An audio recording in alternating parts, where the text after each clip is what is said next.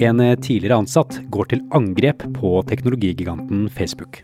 But I'm here today because I believe Facebook's products harm children, stoke division, and weaken our democracy. Vil disse ordene tvinge Facebook til endring? Du hører Forklart fra Aftenposten, og jeg heter Andreas Bakke Foss. I dag er det fredag 8. oktober.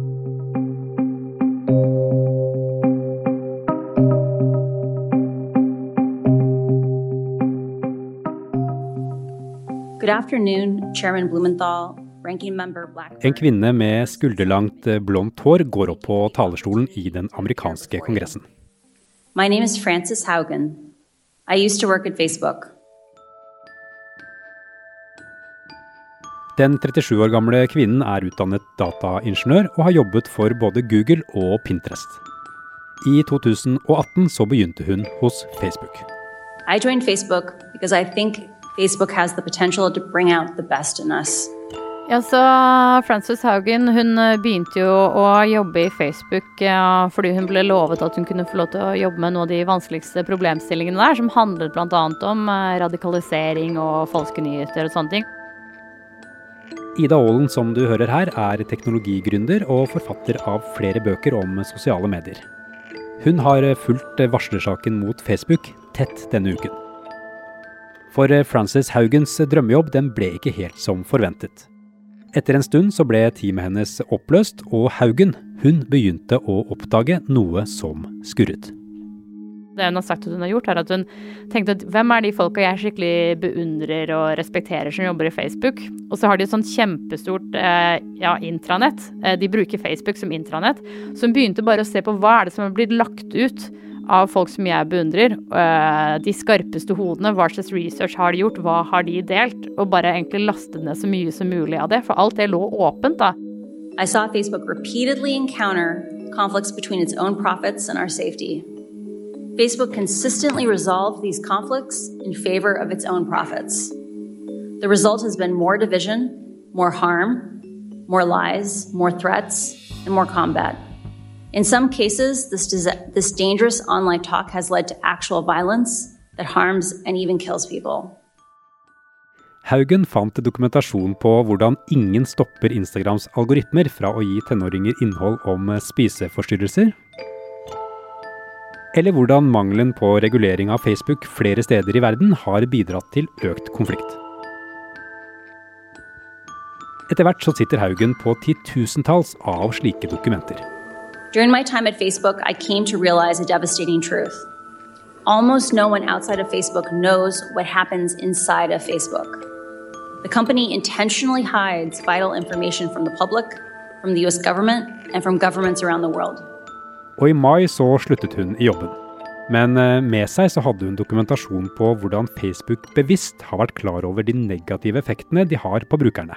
The choices being made inside of Facebook are disastrous for our children, for our public safety, for our privacy, and for our democracy.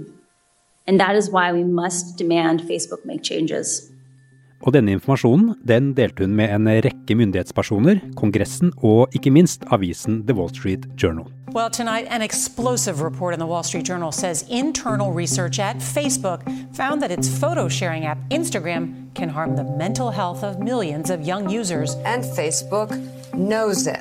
That's the bottom line. The report reveals how Facebook allegedly conducted a series of internal investigations into Instagram's impact on teenage mental health. Forrige søndag sto hun frem i TV-programmet 60 Minutes, og tirsdag denne uken så vitnet hun for Kongressen. But I'm here today because I believe Facebook's products harm children, stoke division, and weaken our democracy. The company's leadership knows how to make Facebook and Instagram safer, but won't make the necessary changes because they have put their astronomical profits before people. Congressional action is needed. They won't solve this crisis without your help. Men vil egentlig alt arbeidet til Frances Haugen ha noen effekt?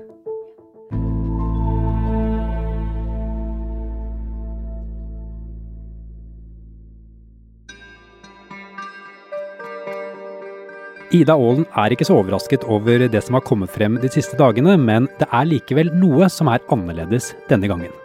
Jeg vil ikke si at jeg er overrasket. Det ligner på ting man har hørt uh, før, men det er med en helt annen uh, detaljeringsgrad uh, enn tingene vi har hørt før. Hvorfor gjør Frances Haugen dette egentlig? Selv så sier hun at hun er glad i Facebook, og at hun ønsker å gjøre Facebook bedre. Det er litt lett å tenke sånn, ja, men hva vil hun egentlig? Men da må man jo huske på at det er jo over 60 000 ansatte i Facebook, i tillegg til 100 000 eller noe sånt som jobber på eh, kontrakt. Så det ville jo egentlig vært oppsiktsvekkende at det ikke fantes én eneste blant de 60 000 som bare hadde en moralsk overbevisning da, om at nei, dette syns jeg ikke er riktig. Det trenger liksom ikke være sånn at hun er liksom ute etter å hevne seg eller penger eller et eller annet eh, sånt. Hun bare slett følger samvittigheten sin. Hva er kjernen i hennes varsel, slik som du tolker det etter å ha hørt det? Den sånn røde tråden handler om at uh, Facebook uh, ikke klarer å ta uh, beslutninger som går utover tallene de måler seg selv på. Hvis de går utover annonsesalg, annonsevisninger, engasjement, brukervekst, så får de seg ikke til å ta de beslutningene. Ikke fordi de er slemme eller onde er liksom ute etter å ødelegge verden, men de ser, klarer alltid å finne sånn Jo, jo, men det er jo positive ting. De vil helst ikke høre eh, om sine egne svakheter, da. Eh, I hvert fall på toppnivå. Haugen sier at Facebook skader barn, skaper polarisering og skader demokratiet. Og for skading av barn så blir bildedelingstjenesten Instagram, som Facebook eier, trukket frem. Ifølge lekkasjer så skal en intern granskning av Instagram ha funnet at 13,5% av tenåringsjentene sa at appen forverrer selvmordstanker. 17% mener at spiseforstyrrelsene ble verre.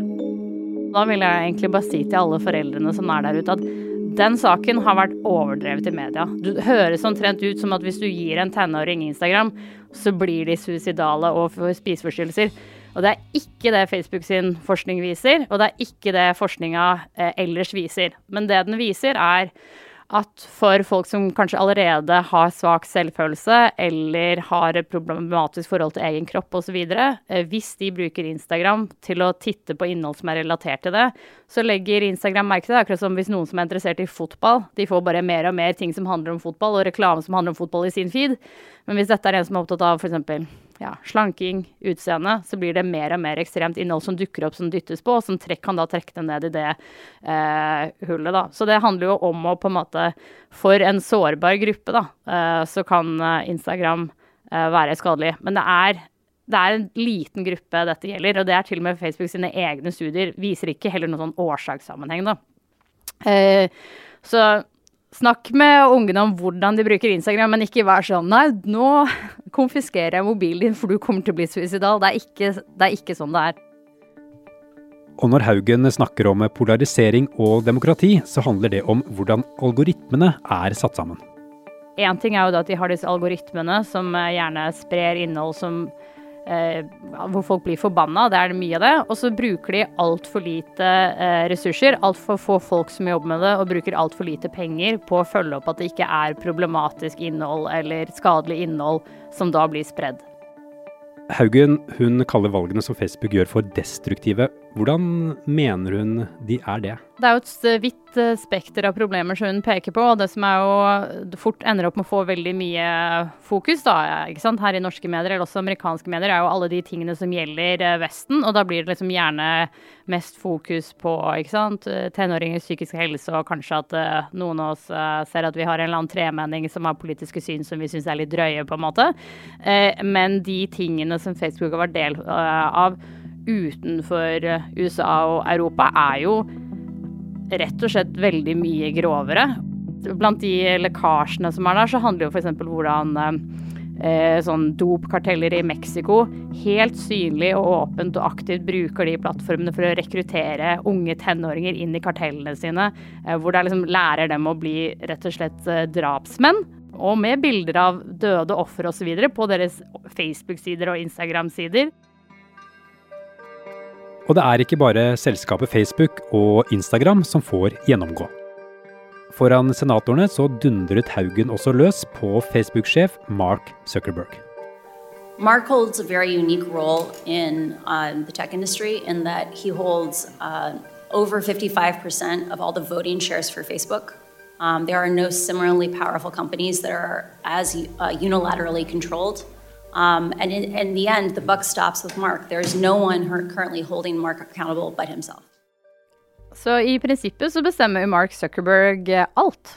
Fordi han har aksjemajoritet. Han har 55 av uh, aksjene. Uh, så det er egentlig ikke noen som kan avsette han og gi han, han sparken. Han kan gi seg selv sparken. Um, men på den annen side så er det at Mark Zuckerberg han husker på bakgrunnen sånn Han er en nerd, han. Han er glad i teknologi, og han er interessert i teknologiens uh, muligheter. Og han kommer fra en sånn lang tradisjon i Silicon Valley med en sånn veldig sånn teknologioptimisme. Så han bestemmer i prinsippet alt, men veldig mange av disse problematiske sidene er han ikke så veldig interessert i å uh, bestemme over. Uh, inntil det plutselig er noe sånn at det kommer en kongresshøring eller et styremedlem og sånn stiller han til veggs, og da må han lese seg opp på det og er veldig oppgitt over at folk under seg ikke har klart å fikse det. Så dette er bare litt sånn brysomme ting som har blitt med på lasset for en som egentlig bare vil jobbe med teknologiutvikling, da. Det, kan, det er nok egentlig en ganske enkel måte å oppsummere det på, ja. I høringen så sa Haugen at Mark Zuckerberg har bygget en organisasjon som er veldig metric-driven. Det er måltallene som driver beslutningene, hevder Haugen. Mark has built an organization that is very metrics driven. That is, it is intended to be flat. There is no unilateral responsibility. The metrics make the decision. Unfortunately, that itself is a decision. And in the end, if he is the CEO and the chairman of Facebook, he is responsible for those decisions. Så det Facebook har til felles med egentlig alle de andre store teknologiselskapene også, eh, sånn som Google og Amazon, det er at eh, de eh, liker å drive med noe som de kaller for eh, managing by objectives. Og det som er at Et selskap som Facebook de har jo 60 000 ansatte. Det går jo ikke an å detaljstyre 60 000 mennesker. Du får ikke gjort noen ting hvis du skal prøve å styre så mange mennesker ved å liksom fortelle hver og en person hva de skal gjøre. Så det man gjør istedenfor, er at man lager mål. ikke sant? Dette kvartalet skal vi oppnå dette målet, og så bryter man det gjerne ned i noen måltall som indikerer om man har nådd det. Men det betyr jo da at hvis du prøver å se på måter du kan prøve å løse problemer, da, som f.eks. det at eh, ja, eh, tenåringer som er, eh, har et problematisk forhold til egen kropp, får mer og mer innhold som handler om slanking og trening osv., så, videre, så vil jo tallene, hvis du prøver å gjøre noe med det, da, så vil jo tallene også vise seg mer ja, men den andre tenåringen her, som er veldig interessert i fotball, og nå bruker masse tid på Instagram, for vi gir dem mer og mer og mer bra innhold om fotball, nå bruker de Instagram mindre fordi du skulle beskytte den bitte lille gruppen uh, som har problemer med spiseforstyrrelser f.eks. Da vil tallene vise at det du har gjort, er dumt for Facebook. Tallene vil vise at du er dårlig i jobben din.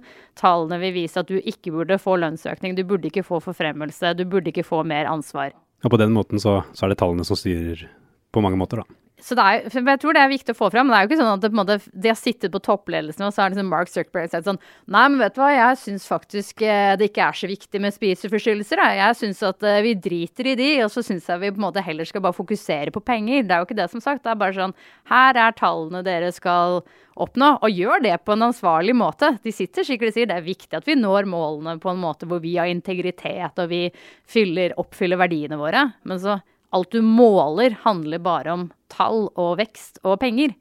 Så i praksis vil det ikke da skje noe med de egentlige problemene, da. Det tok ikke lang tid etter høringen før Facebook-sjef Mark Zuckerberg, selvsagt på Facebook, tilbakeviste anklagene. Han skriver at mange av Haugens anklager ikke gir mening, og han mener kjernen i disse anklagene er en oppfatning av at Facebook prioriterer profitt foran sikkerhet og helse.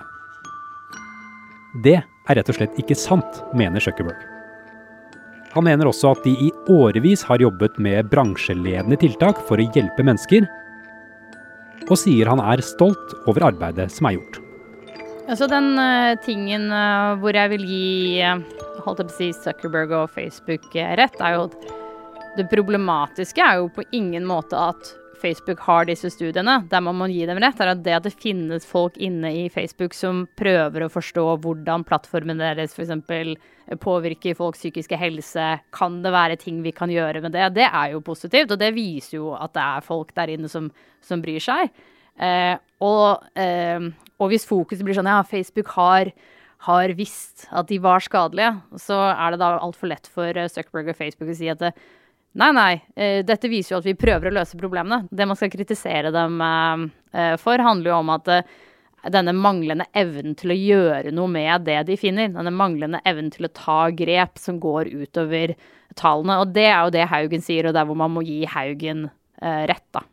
Men Ida, er dette dråpen som får det til å renne over, slik at det vil komme lovreguleringer, eller vil denne kritikken bare prelle av for disse selskapene? Altså, jeg tror ikke det på en måte egentlig er en sånn dråpe, for jeg tror ikke det vil komme til et punkt hvor på en måte alt snur. Men jeg tror jo på en måte eh, Det har jo så lenge vært snakket om regulering nå, også både på i, i EU og fra republikansk side og demokratisk side. Uh, så jeg tror jo på en måte over tid så vil det litt eller litt komme små ting. Men kanskje den viktigste grunnen da, til at det kanskje disse selskapene vil endre seg, og hvor Haugen sin lekkasje er et eksempel, er Facebook sliter veldig med å rekruttere flinke folk. De flinkeste folka vil ikke lenger jobbe i Facebook. Eh, og hvis de ikke har flinke folk som jobber for seg, så kommer de heller ikke til å klare å nå målene sine. Så hvis ikke Facebook klarer å vise at de kan skjerpe seg, så kommer de på en måte egentlig sånn til å liksom forvitre litt fra innsiden. Så det er tror nok heller en sånn dråpe, så er liksom mer sånn gradvis forfall. At begynner liksom, ting begynner å liksom falle litt av på fasaden. og Så vi ser hvor lang tid det tar før liksom grunnmuren faller sammen. Da. Det gir kanskje 30 år, da. Jeg gir Facebook i hvert fall 30 år til.